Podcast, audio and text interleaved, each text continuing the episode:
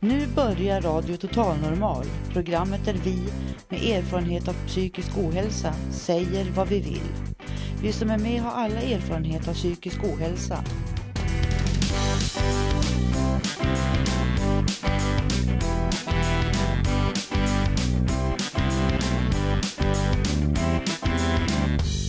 Du lyssnar på Radio Total Normal 101,1. Totalt normalt. Radio Total Normal torsdagar från två till halv fyra. Vi livesänder med publik från Götgatan 38 i Stockholm. Här är alla röster lika värda.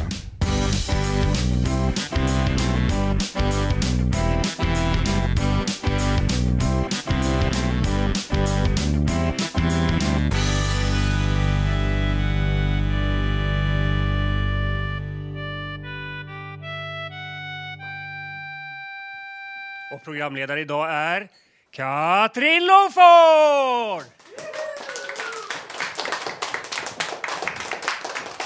Ja men tack, underbart att få vara med i denna prominenta kanal. Välkommen allihop. Ja, nej, men det, är alltså, det är så dynamiskt här inne nu för tiden. Oh, riktigt högtryck. En massa viktiga tv-människor springer omkring här och intervjuar och reportrar om vartannat. Ja, vi har verkligen blivit enormt märkvärdiga.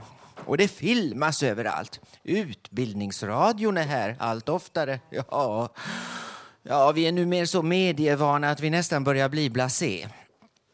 Ja, och nu hörde jag senast här ett rykte om att även BBC och CNN ska komma. Ja, och Al Jazeera ska filma. Ja, då får UR flytta på sig.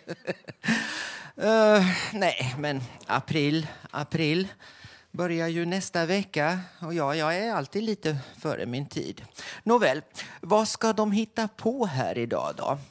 Jo, en av våra medarbetare har vi verkligen kommit in på livet, tycks det. Mycket spännande. Sen, efter ångestloppet som gick här utanför i tisdags blev arbetsmarknadsminister Sven Otto Littorin intervjuad. Han var nämligen en av de som sprang loppet. Ja, det ska bli intressant. Och ja, jag ska tala om rollen som reporter och vad det kan innebära.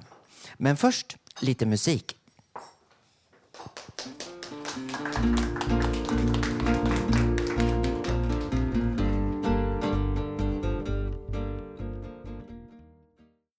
Och jag vet att fast det är bråttom är det inte för sent. Ja, du lyssnar på RTN 101,1. Jag heter Katrin Loford och jag befinner mig på Götgatans hetaste adress, nummer 38. Här i salongen på Fountain House samlas spännande människor varje torsdag. Jo då, vissa vill tala allvar, andra bara relaxar. Ja, det går bra. Du är välkommen du också.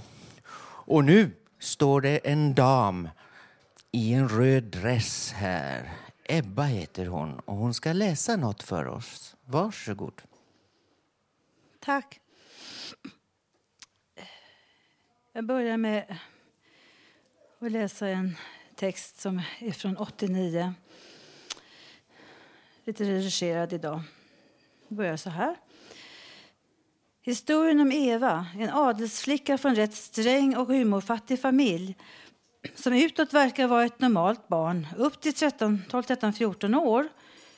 Glad med, med kompisar och pojktycke. Som är känslig och tar sin konfirmation på stort allvar i schartauansk fostran i sin dopkyrka. Vilket resulterar att brytningstiden vid 12-13 års ålder och ny klass och skola gör henne väldigt blyg och hämmad och rädd för pojkar. Det här plågar henne genom resten av tonåren.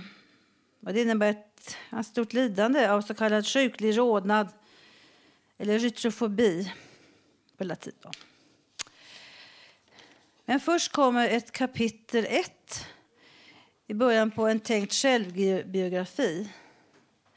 Kan kanske heta Drömmen om ett riktigt liv eller Fullblodskvinnans skapelse. Universitetsstaden Flugköping någon gång i mitten av 60-talet. Det är inte Uppsala. Det var här allting hände för Eva som satte spår för resten av hennes liv. Eva hade kommit hem strax före jul. Hon hade varit på en sex månaders vistelse i Schweiz där hon arbetat som au pair och studerat franska på universitetet i Lausanne under sommaren. På hösten då hon jobbade pluggade hon franska på kvällarna på École Berlitz. Nu skulle hon vara lite ledig innan studierna skulle börja på allvar i januari i Uppsala. Till Lausanne reste Eva efter att ha genomlidit allt helvete för henne som det innebär med studentexamen i gammal stil med uppvaktningar av skilda slag som folk pliktskyldigast kom med. Det var ju mest släkt, föräldrarnas vänner och bekanta, grannar samt eventuellt någon enstaka skolkamrat som han bara kände väldigt generad inför. Det var verkligen en pina. Det Eva sen gjorde, innan hon åkte till Schweiz, när allt sånt var överstökat med studentexamen, var att börja ta körlektioner för att få körkort. Det var något hon gillade starkt. Eva hade fått övningsköra redan i 16-årsåldern med sin pappa på småvägar på landsbygden. Ännu tidigare hade hon fått sitta på arrendatorns så kallade självbindare om somrarna för att hjälpa till med skörden. Och sen någon gång sitta bakom ratten och köra traktorn. Där behövde man varken ha körkort eller åldern inne. Det hade alltid varit så spännande upplevelser och bejakade en av hennes manliga sidor, den där lite tuffa som hon gillar själv. En teori hon hade om hur det där med bilen blev så lustfyllt var att hennes pappa gav henne en så fin och röd racerbil som mycket liten. Det var så roligt att köra med, för den gick av sig själv och det brummade så häftigt när den gick. Så fick hon också en grön bil av äldre modell som man visst var tvungen att dra upp med skruv. Sen minns Eva också hur spännande det alltid var när familjen var ute och åkte med familjebilen och pappan satt vid ratten. Eva och hennes nästan sju år äldre syster brukade sitta och kolla vilka bilar de såg i trafiken eller mötte och gissa vilka bilmärken det var. Och sen räkna hur många av varje sort. Nu äntligen hade Eva åldern inne och skulle få köra på riktigt och till och med in i stadstrafiken med filer och rondeller. Vänstertrafik faktiskt också. Hennes lärare var trevlig och hon kände sig uppmuntrad och mer självsäker än vanligt. Hon blev faktiskt lite förtjust i honom, men det visade hon såklart inte utåt. Han fick henne att känna att hon behärskade körningen och det verkade som han också tyckte om det. Ja, körkortet blev en symbol för frihet för Eva och fick betydelse för resten av hennes liv. Och så här slutade början på kanske en biografi eller bok, vad det kan bli. Så jag får fortsätta en annan gång. Fortsättning följer.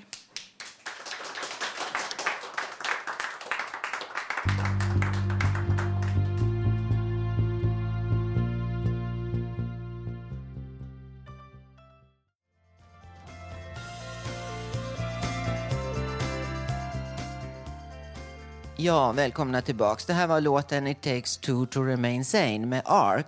Och den önskades av Peter D, upphovsman till Facebooks gruppen Mission 210. Eh, som vi ska prata mer om här nu alldeles strax. För Karina Borg, kära lyssnare, hon har någonting hon vill säga till just er där ute i etern. Varsågod. Hej, jag är en poet och skribent om livets skiftningar. Karina Borg gästar programmet igen och det är jag. Vi har fått lyssnarrespons. Peter D vill ha hjälp att få ett liv igen, IRL. Det vill säga in real life, i riktiga livet. Detta står i hans diskussionsforum Mission 2010 psykiska sjukdomar ska inte längre vara tabu. Det är alltså en Facebookgrupp som startade på juldagen 2009 och som redan har fått över 4 000 medlemmar.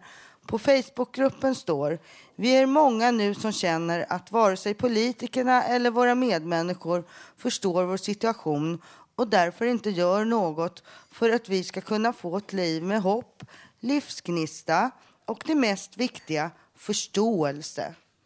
Radio Total Normal är också med i Facebookgruppen. Vi lägger upp information där innan vårt program på torsdagar. Vi har fått en del reaktioner från lyssnare genom gruppen och det tycker vi är jättekul. Men vi vill ha mer lyssnarreaktioner. Inte bara från Facebookgruppen utan från alla er lyssnare. Via Facebookgruppen kan ni skicka meddelande direkt till radion. Där står även mejl och kontaktuppgifter. Gå in på diskussionstråden som heter Radio Total Normal. Ni kan även höra av er direkt till oss såklart. Kontaktuppgifter står på hemsidan www.radiototalnormal.se. Facebookgruppen hittar ni via hemsidan www mission2010.se. Gå in på sidan och klicka på länken. Och ni är också väldigt välkomna att medverka i programmet eller varför inte sitta i publiken. Så hörni, gör som jag. Sitt här och tala en dag. Hör av er.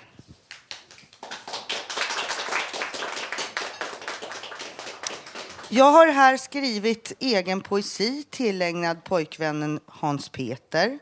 Den här dikten heter Lust innan frosten kommer. Jag tycker att det passar att tala om kärlek så här på Maria bebådelsedag med.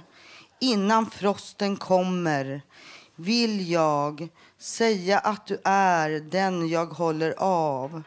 Innan frosten kommer vill jag vila mitt bröst mot ditt. Innan frosten kommer vill jag vila min hand i din. Innan frosten kommer vill jag säga att du är den jag älskar med. Innan frosten kommer vill jag känna din kropp mot min. Jag tänker på alla älskliga dagar vi får. Jag dansar naken i mitt inre universum. Jag tänker på att musik är för glädje och det blomster hjärtat vill få. Kramar och kyssar åt dig och det lyckligt går åt. Vi är nakna till både kropp och själ. Det är vad jag tänker på innan frosten kommer. Nu kommer ni få höra en låt som jag sjunger och har skrivit. Hans Peter saxofon, Joakim Hafergut keyboardproduktion. Gjord på Studio IT arbetsträning och praktikplats för talanger i Farsta stadsdel. Man ska vara biståndsbedömd för att få gå där eftersom kommunen betalar för att ha folk där. Drivkraft och eldsjäl bakom Studio IT heter Joakim Selin. En del har varit så duktiga att de fått fast anställning där. Man arbetar som tidningsskribenter och annat vid datorer, bland annat musik och livemusik, då med förstås med riktiga instrument.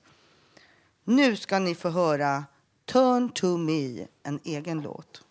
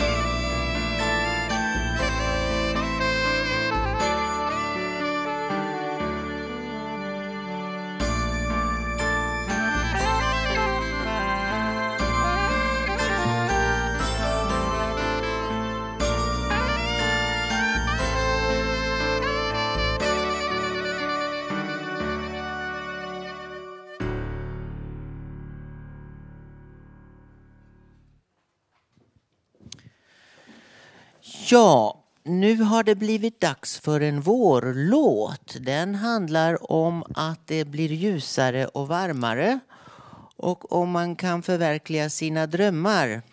Hasse Kvinto har skrivit låten som heter För den goda sakens skull.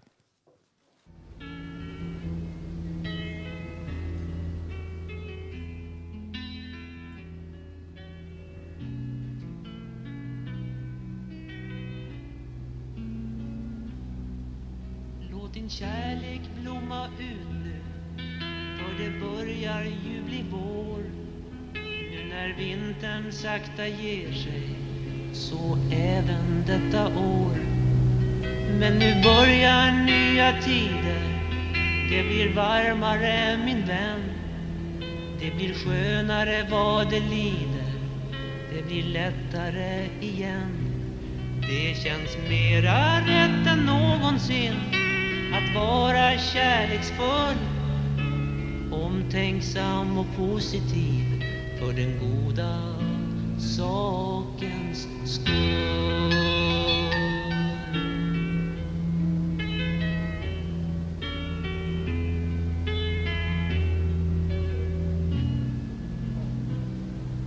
Ja, det känns så gott i hjärtat när du lutar dig mot mig så jag kysser dig på kinden. Livet lever ju i dig. Jag vill gråta när du visar hur underbar du är. Och skratta om vartannat. Känslorna finns där. Det känns mera rätt än någonsin att vara kärleksfull omtänksam och positiv den goda sakens skull.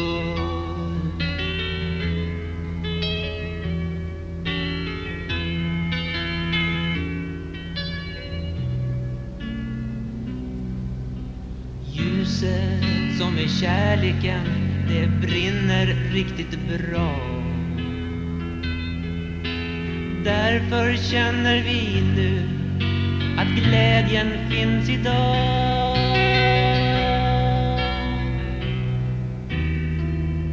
Och vi önskar alla människor det bästa i ditt liv som du någonsin kan uppnå. Du har ju livsmotiv. Drömmar bor inom dig, sanna kan de bli. Ett mål som du uppnår, det finns det glädje i.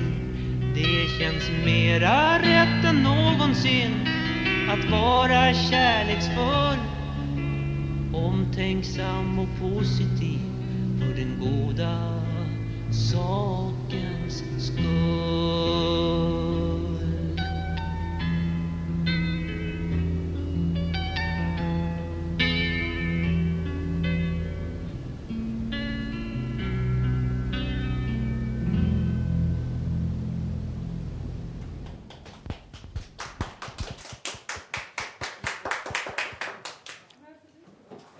Ja, välkommen tillbaks. Vi har samlats här på Fountain House på Götgatan 38. Jag ser folk, de har fått lite våfflor och grejer här. Nåväl, nu ska Katrin Loford berätta om rollen som reporter. Varsågod. Nej, men gud, ja, det är ju jag som är Katrin Loford. Ja, oh, herregud, här kan det bli lite schizofrent ibland. Ehm, men ja, det bjuder vi på. Uh, nåväl, här inne förstår ni flödar kreativiteten och det doftar av möjligheter och utmaningar. Kort sagt, de här torsdagarna kan nog odla upp både stjärnkrönikörer och andra spännande radioröster. Och ja, jag ska nu ge mig på rollen som reporter. Mm. Men inte här i radion, utan för vår tidning, Fontänbladet.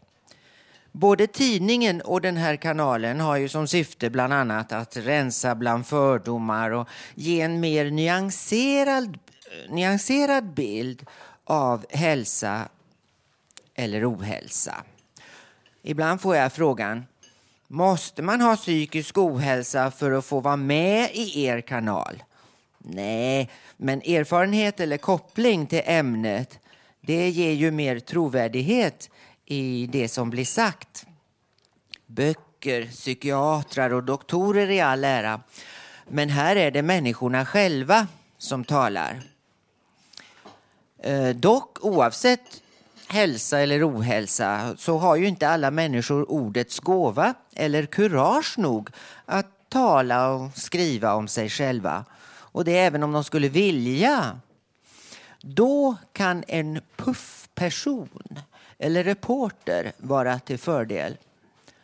Fontänbladet har länge haft några små men ganska anonyma så kallade personporträtt av eh, medarbetare här. Jag tog nu på mig att fördjupa och förnya dessa intervjuer något för att bättre tillfredsställa läsarna. Och då vill man hitta personer som uttrycker sig också relativt intressant. För konceptet och mallen som gäller här och nu, ja det begränsar sig till en halv A4-sida. Och på den lilla ytan ska nu 15 frågor besvaras så att läsarna får ett hum om den här personen. Och jo då, det går om man som reporter förkortar och snitsigt och rappt knyter ihop svaren. Och om den utvalde personen visar sig vara väldigt fåordig, ja då kan man ju hjälpa till på traven och komma med förslag. Alltså lite som ett teamwork, så att både reporten och huvudpersonen förstår varann. Det är väldigt viktigt för att kunna göra en bra intervju. Det gäller ju att alla blir nöjda. Porträttpersonen ska vara nöjd med sina svar och läsaren ska ju gilla intervjun. Allt för givna och tröga svar, det är ju tråkigt. Och som reporter då måste man ju bli nöjd med alltihop eftersom reporten producerar produkten. Ja. ja, så det var alltså faktiskt en hel del att tänka på insåg jag när jag väl satte igång. Men eh, jag har vässat pennan och fyra utvalda personer ska pryda ett helt uppslag i maj månads fontänblad. Förhoppningen är ju också att den här tidningen ska växa och då kan ju fler och större personporträtt göras.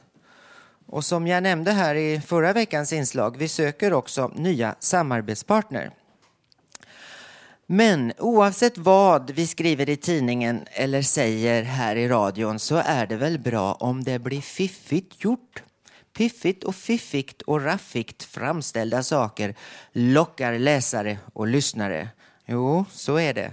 Ja, piff och mer puff behövs. Idag blir ingen paff utan vidare. En puff i rätt riktning kan vi ibland alla behöva här i livet. Ja, och jag, jag heter Katrin Loford och nu ska vi gå vidare.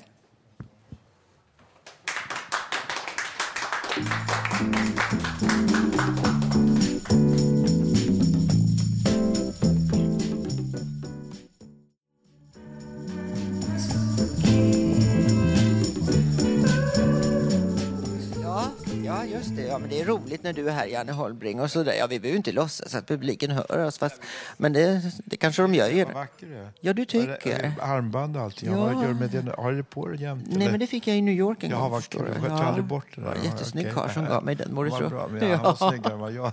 Nej, men du är så Ja, snygg tack också. Det är så roligt att ha dig här, ja, Janne. Du är rolig också. Ja, vi är hemskt roliga, du och ja, jag. Jätteroliga. Jag ska läsa, nu ska jag läsa en reflektion här. Ja, visst. Men vad snygg hon är. Vad är det du ska reflektera jag, över Jag ska då? Reflektera om det som vi inte får prata Om om. livet? Om vi inte säger i Ja, det ska radio. bli spännande. okej. Varsågod. Ja, det ska, så här. Nu ska jag läsa vad jag skrev för länge sedan här. I alla fall efter 1976.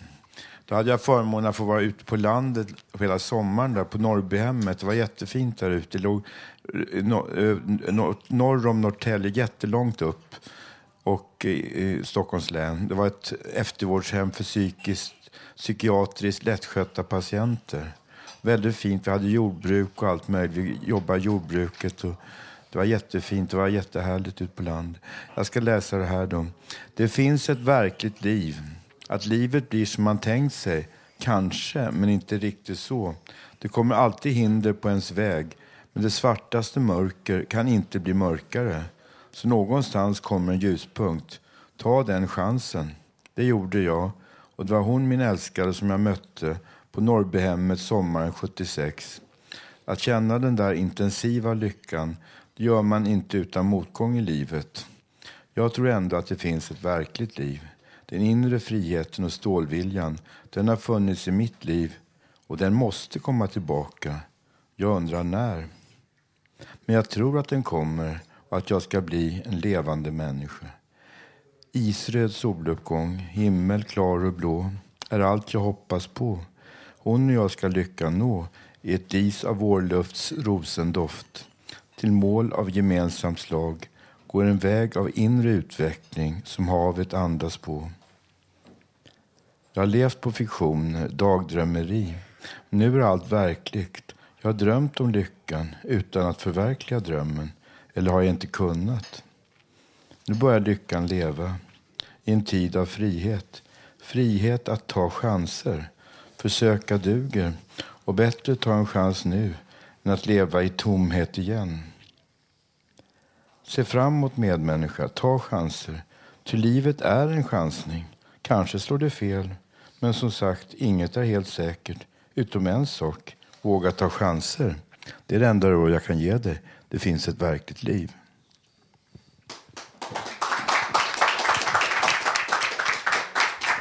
Det kanske finns, det finns nog flera som har känt så att man kan faktiskt vara lycklig även om man har en psykisk sjukdom. kan man faktiskt känna lycka och de vanliga känslor som alla människor har kan vi känna också. Vi är inte annorlunda bara för att vi har en, ett handikapp. Och det vill jag tala om för alla att alla ni som har ett handikapp, ni är precis lika mycket värda som alla andra. Alla är lika mycket värda. Alla människor har ett, ett existensberättigande. Alla människor har ett människovärde. Tack för ordet.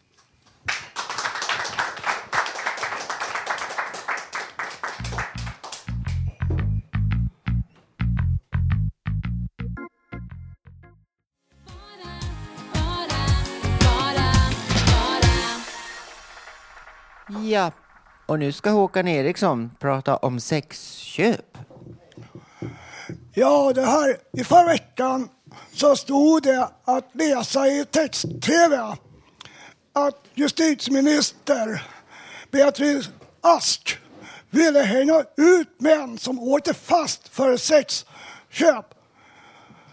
Så det kom fram till deras fruar.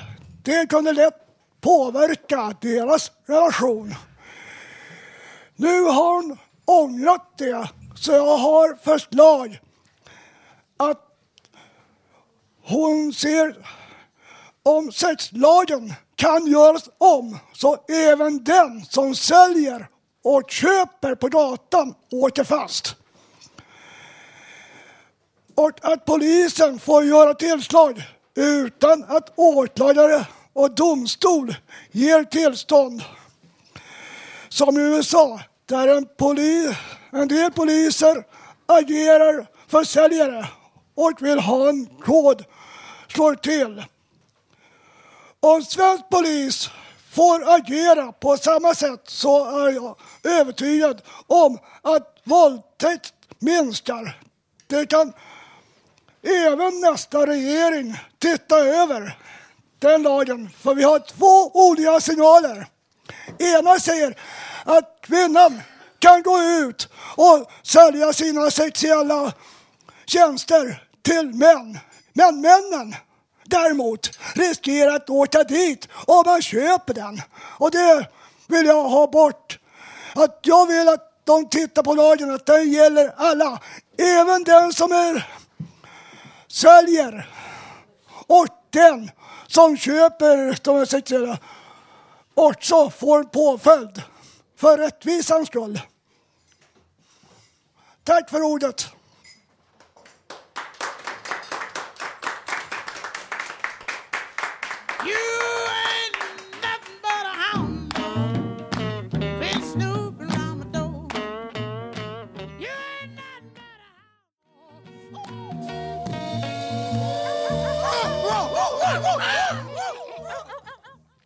Ja, vad grådaskigt det var här idag utanför. Och grådaskigt var det även i förrgår. Ehm, då kom vrålande hundratals människor här på Götgatan och tog sig igenom världens kortaste stadslopp, Ångestloppet, som är på 209 meter. Det arrangeras av Fountain House för att få igång samtal och öppenhet kring psykisk hälsa och ohälsa. Vår reporter Monica var ute i vimlet och intervjuade löparna. En av dem var arbetsmarknadsminister Sven Otto Littorin. Då är vi på väg här till starten på Ångestloppet. 209 meter på Götgatan. Turen på vår sida idag. Det är ett riktigt pissväder, riktigt ångestfyllt. Herren är med oss idag. Då knallar vi ner och frågar någon här hur det känns på uppvärmningen. Det känns jättekul och spännande faktiskt. Jag var med förra året också. Mår ni dåligt? Snart börjar nedräkningen. nu, nu, snart, snart är det igång. Snart, snart, snart börjar ångestloppet. Kör igång! Sju, sex, fem, fyra, tre, två, ett, noll! Oj, oj, oj! Vi går här lite raskt. Ja, man, man, man gör ju som man vill. Gå, springa, åka vagn. Det går också bra. Vilken ångest vi får. Vi är sist, vi är sist. Hjälp, vilken ångest! Eller hur Camilla? Ja, jag har bara lite, lite ångest idag. jag är ganska glad. Det låter bra. Någon ska vara det också. Nu närmar vi oss målet. Och vi, vi, vi får väl erkänna att vi, vi är nog ganska så sist. eh, vad tyckte du om det här eminenta evenemanget? det var jätte- Hassekvinn. Det var jätteroligt. Och du kom på första plats eller? Nej, jag kom någonstans i mitten tror jag. Ja. Jag kom sist med, lika ångestfylld ändå. Ja, ja. Jag vet inte, jag vet inte ens hur. Littorin, det vet jag inte. Jag såg dig intervjuad Jaha. bakom. Får jag ställa några frågor? Ja, visst, det är klart. Eh, hur kommer det sig att du är på det här evenemanget, arrangemanget? Ja, alltså jag tycker det är viktigt att vi utmanar attityderna som ofta finns mot personer som har olika typer av psykiska funktionsnedsättningar. Eh, De behövs också. De behövs i samhället, behövs på arbetsmarknaden och det är viktigt att vi, ska jag säga normalstörda, att vi tar tillfället i akt när det händer sådana här saker och visar vårt stöd. Eh, det här arbetet om psykisk, eh, om att förhindra då fördomar och så, vad tycker du behövs göras?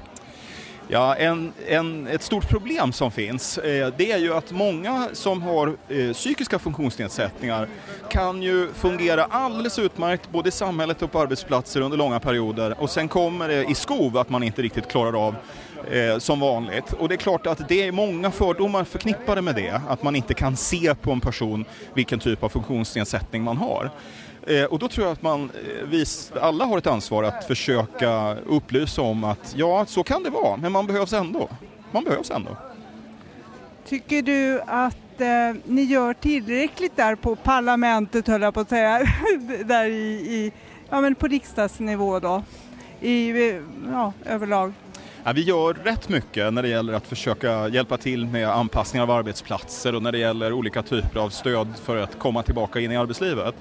Men den kanske viktigaste insatsen det är just attitydförändringar. Eh, och där tror jag att man aldrig blir färdig. Därför det finns väldigt mycket fördomar. Och fortsätter man jobba på det och upplysa och vara med och, och inte så att säga eh, skymma undan personer som råkar ha någon liten funktionsnedsättning så tror jag att mycket är vunnet. Men det är också vårt ansvar att göra det. Att vara med på sådana här eh, evenemang och, och också stötta i vardagen, tycker jag. Kan du göra något mer att det kan man säkert. Eh, men jag tror att det varje gång Om vi, om vi ser så här, på, för mig som jobbar med arbetsmarknadsfrågor, eh, om man tittar framöver så kommer vi ju behöva varenda själ på svensk arbetsmarknad om vi ska ha råd med pensioner och vård och skola och sånt där framöver. Och det är klart att vi måste ju också se till att de som har psykiska funktionsnedsättningar men har en arbetsförmåga har en möjlighet att jobba. Det är så enkelt, vi har inte råd med någonting annat. Eh, Så det är både så att säga en, en, ska vi kalla det för värdighetsfråga, men det är också en ekonomisk fråga. Vi behöver de som har funktionsnedsättningar alldeles oavsett vad det är. Jag, jag gör så här att jag följer med dig till din arbetsplats alldeles på en gång. Ja! jag, nej, jag skulle fråga till slut en sista fråga. Har du själv ångest? Det ska man vara ärlig och erkänna att det kan man absolut ha, eh, både i stort och smått. Eh, och jag tror om du ställer samma fråga till varenda svensk så är det någon som aldrig har haft det. Nej, det är det inte, det tror jag. Det är väl klart att allt ifrån en jobbig dag på jobbet till att någonting har hänt en personligt eller så, det är klart att man mår dåligt ibland. Eh, det måste man kunna tillåta sig att göra också. Det viktigaste är ju att hitta vägen tillbaka. Att hitta de saker som gör att man mår lite bättre. Jag måste bara fråga till slut. Vad tycker du om det här eh, loppet? Var det inte underbart? Det tycker jag. Jag tycker det var jättekul, men jag måste erkänna att jag är mera klädd för vår eh, med mina kortbyxor än vad eh, som vädret är. Jag måste erkänna, jag fryser lite nu. Ja, men man ska ju ha ångest och det passar ju bra på alla fronter här. Ja. Men tack i alla fall. Tack. Tack, tack. Tack så mycket. Tack. Ibland så känns det som om allting går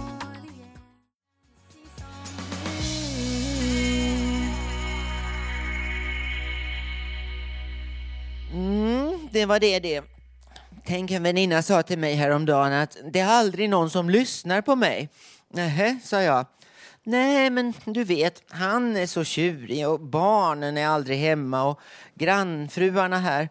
Ah, ingen lyssnar. Nähä, sa jag, men på mig lyssnar över tusen personer varje torsdag. Då skrattade hon och sa att hon kanske ska följa med hit någon gång. Ja, herregud. Nej, men vad hon menar var väl det att även om hon pratar så är det ingen som lyssnar på innehållet i det hon säger. Det är väl ganska vanligt. Jo. Nej, hörni, nu ska det ta och bli lite poesi här. Poesi i Radio Total Normal. Och för poesin idag står Eva Camilla.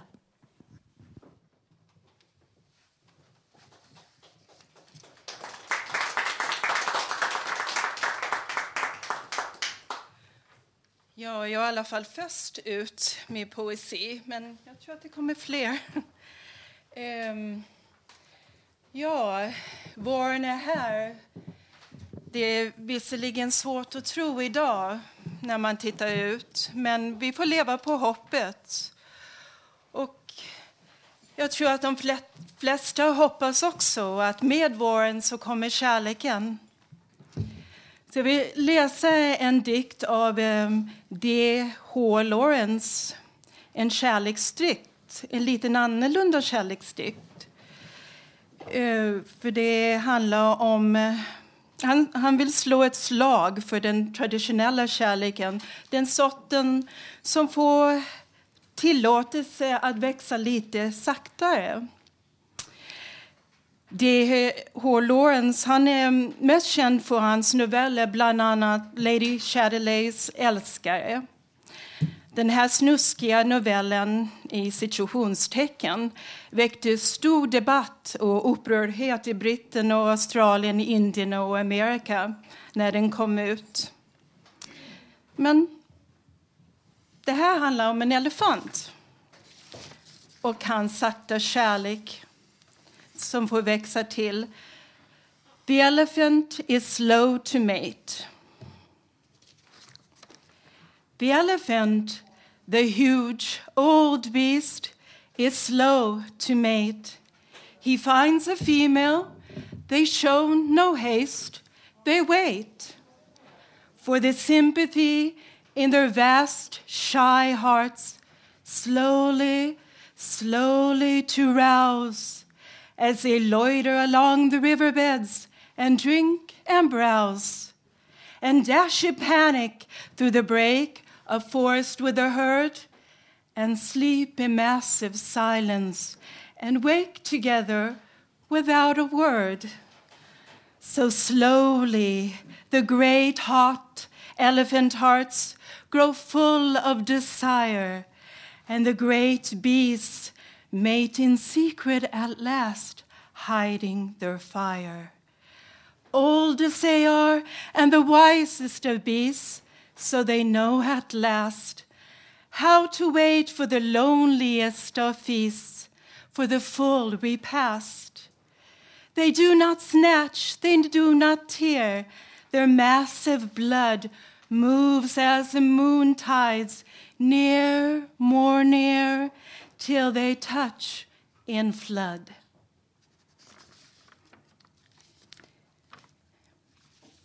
Det var D.H. Lawrence som har skrivit den dikten. Eh, jag är också en vän av gammaldags kärlek och jag har en förkärlek för elefanter.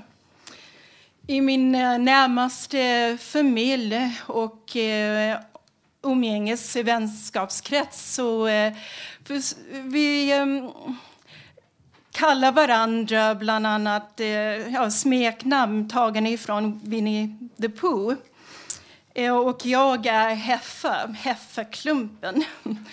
Och eh, ja, som alla här ser så först kommer rumpan och sen kommer jag. så, och eh, sen enligt min dotter så har jag väldigt konstiga ljud för mig när jag sover, när jag vänder vrider mig i sängen och, och eh, när jag vaknar så låter det nästan som Ronja-skriet.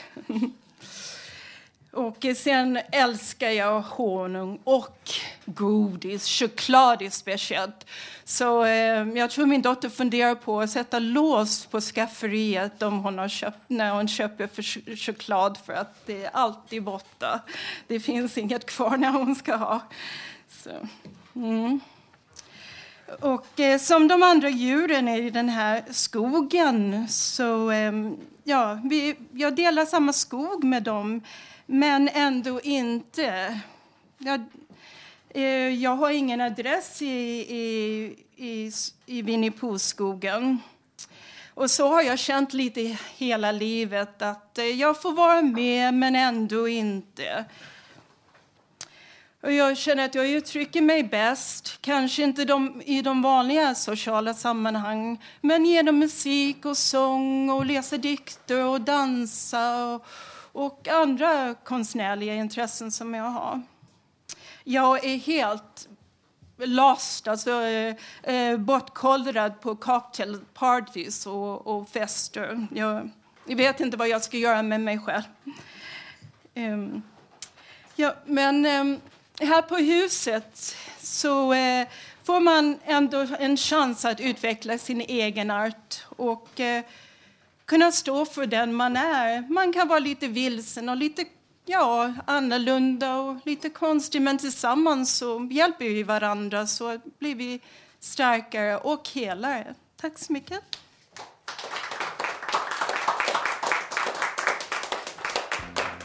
Satellite gone up to the sky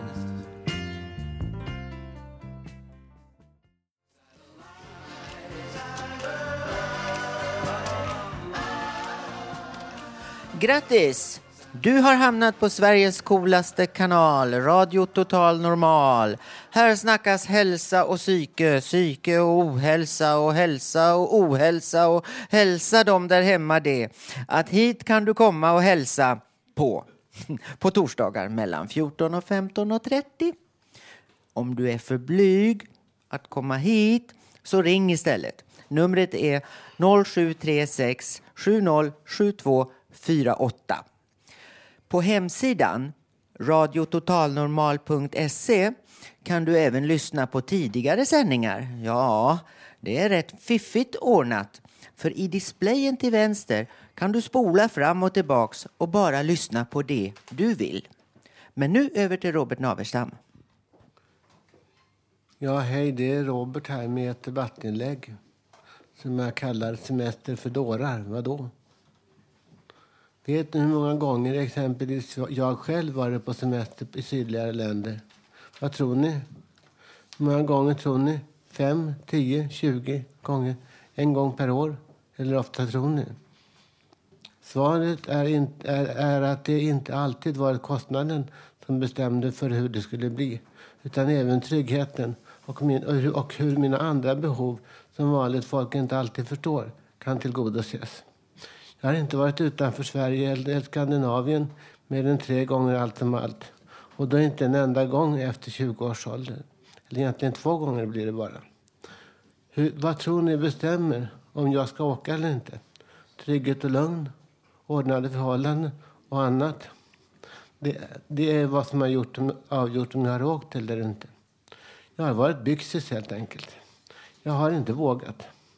Jag tror nog att det har varit ordningen och förhållandena som avgjort om jag kommit iväg. Vilket jag inte har gjort. Det har inte alltid bara varit kostnaden utan även andra saker som har avgjort. Som exempelvis ordning och anpassning för folk som oss. Vi är inte helt hjälplösa. Men som jag vet är det knappast någon ur mina grupper som jag känner som åkt ut på, de, på, på dessa semestrar som av vanligt folk anses som en rätt och som en sak som de nog tror detta gör väl alla. Det är inte så. Alla kommer inte ut på en ordnad semester. Även om det ses som något som alla skall göra och skall kunna göra. Det är inte så. Alla kommer inte ut på en riktig ordnad semester som annat folk gör. Det är inte en rättighet, om det nu kan kallas detta. Det är en sak som även folk från våra grupper ska ha rätt till. Att åtminstone någon gång överhuvudtaget komma bort från de omgivningar det brukar vara i. För att få vad alla tror att de allra flesta har. En vanlig ordnad semester.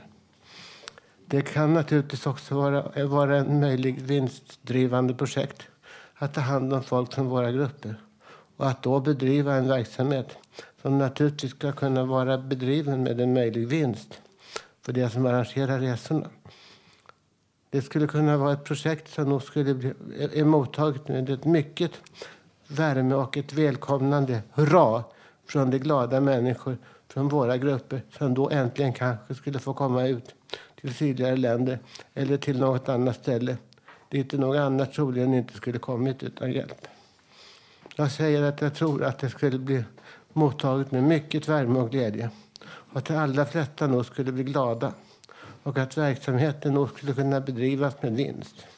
Det är inte ett, att dutta och vara klemiga med folk ur, ur våra grupper att göra så. Annars kommer vi, många av oss inte ut till, iväg helt enkelt. Det är nog så det är. Har vi råd så går pengarna till annat. Vi har inte så många hundralappar eller tusenlappar över. Vi bortprioriterar de resor som andra helt naturligt gör och som tar för givet att detta gör väl alla. Åka på semester alltså. Jag kan inte komma på, på ens mer än kanske tre, fyra stycken av de hundratals patienter jag känner, känner till och vet om som jag kan komma ihåg har kommit iväg på något alls. Det är inte att klämma med oss. Vi har också rättigheter och behov. Samma behov som alla andra. Tack för mig, Robert Naverstam.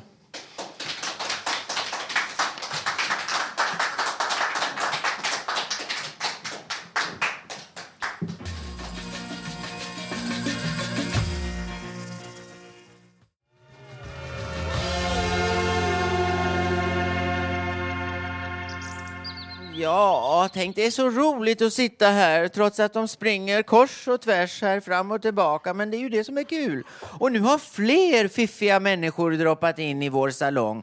Det är riktigt fullt här. Och du som inte kommer till tals idag, du har chans nästa torsdag. Trots att det är skärtorsdag sänder vi ändå.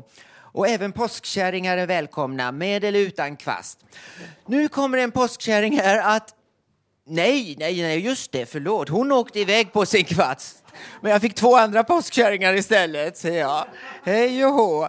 Vem ska vi börja med? Det är väl Karina Borg då. Varsågod. Ja, påskkärring vill jag väl inte heta. Jag tror på Jesus, ja. Ja, vi pratade ju tidigare i programmet om er lyssnare och om Facebookgruppen Mission 2010. Psykiska sjukdomar ska inte längre vara tabu. Vi fick faktiskt veta precis nu att vi fått in över 2000 inbjudna till Facebook-evenemanget Radio Total Normal som vi la upp för en timme sedan bara. Så bjud in fler och gå med i gruppen allihopa. Gå in på www.mission2010.se och klicka på länken för att komma till Facebookgruppen. Facebookgruppen behöver för övrigt bara ha personer till för att komma upp i 4 500 medlemmar och siktar på 5 000 innan april. Och nu blev jag så glad så nu ska jag dra en liten historia här apropå elefanten tidigare i programmet. Jo, det var en elefant som kom till ett vattenhål för att dricka och då var det en krokodil där under vattnet som bet av elefantens snabel. Och då så stod elefanten där och sa utan snabel skulle det vara roligt det där? Och sen så kom han till en samling människor, ett stor samling människor och skulle berätta den här historien, en som hade sett det här då och berätta vad som hade hänt och med elefanten och krokodilen i vattenhålet. Jo, det var en elefant som kom till ett vattenhål och så blev han alldeles tyst för att det satt en harmynt där inne. Så han vågade inte säga, berätta resten av historien och då sa den harmynten så här. Skulle det vara roligt det där?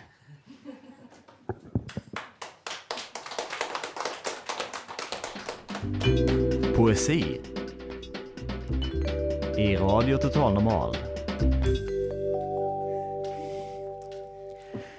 Ja, ett litet förtydligande här. Det var ju verkligen inga påskkärringar jag fick vid min sida. Tvärtom. Vi har en nu väldigt prydlig dam här. Ja, det är ju hon i den röda dressen vi hade förut. Varsågod. Ja, hej igen. Jag tänkte sagt en sak här förra gången om att eh, det är förpliktigare att komma in i en familj som heter Malmsten. Bodil Malmstens familj, hon är författarinna och ganska erkänd. Men jag är ingen författarinna. Men jag försöker så gott jag kan. Jag har skrivit, hittat en liten dikt för länge sedan skriven. Kalken är bitter, besk och gallfylld dryper i min såriga strupe, stygg och le. Det gör så himla ont i mig, rister och sliter en i tu. Hjälper det att be? Jag tror nämligen på Jesus jag också. Får jag testa en till? Kommer nummer två. Jag vet inte. Nu vill jag sluta min dag. Jag vill be ett litet slag. Be att natten läker några av såren som har uppstått under åren. Be att själen kommer något mer steg mot klarheten och harmonin. Gör mig något mindre seg, mer i ett med det förflutna och kan lämna allt med segermin med balsam omslutna. omslutna.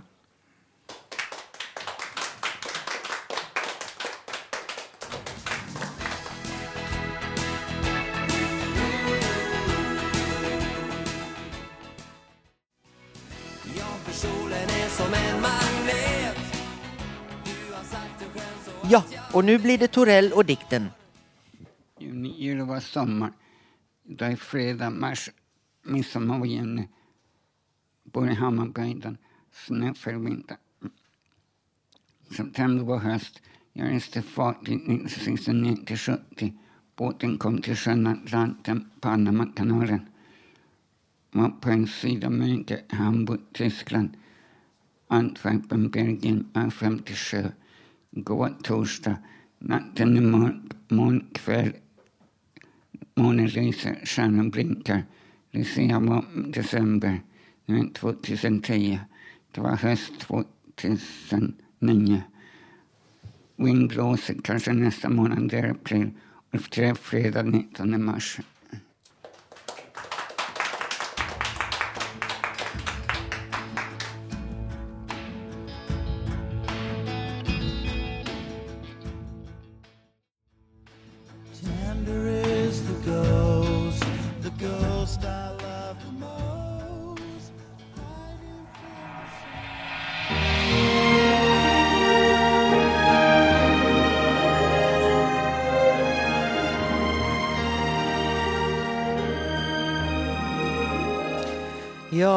Nu kommit till The Journey's End.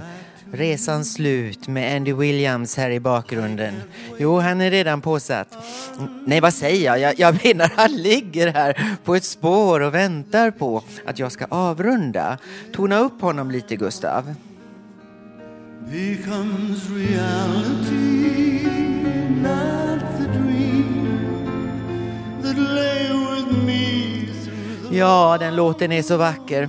Minns ni för tre veckor sedan när jag försökte sjunga och avtacka till den här låten?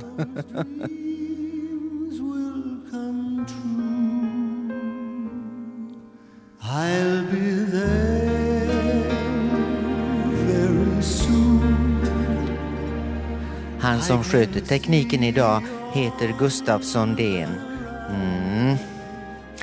Hanna Samlin och Bodil Lundmark. Det är de som har producerat det här fantastiska programmet.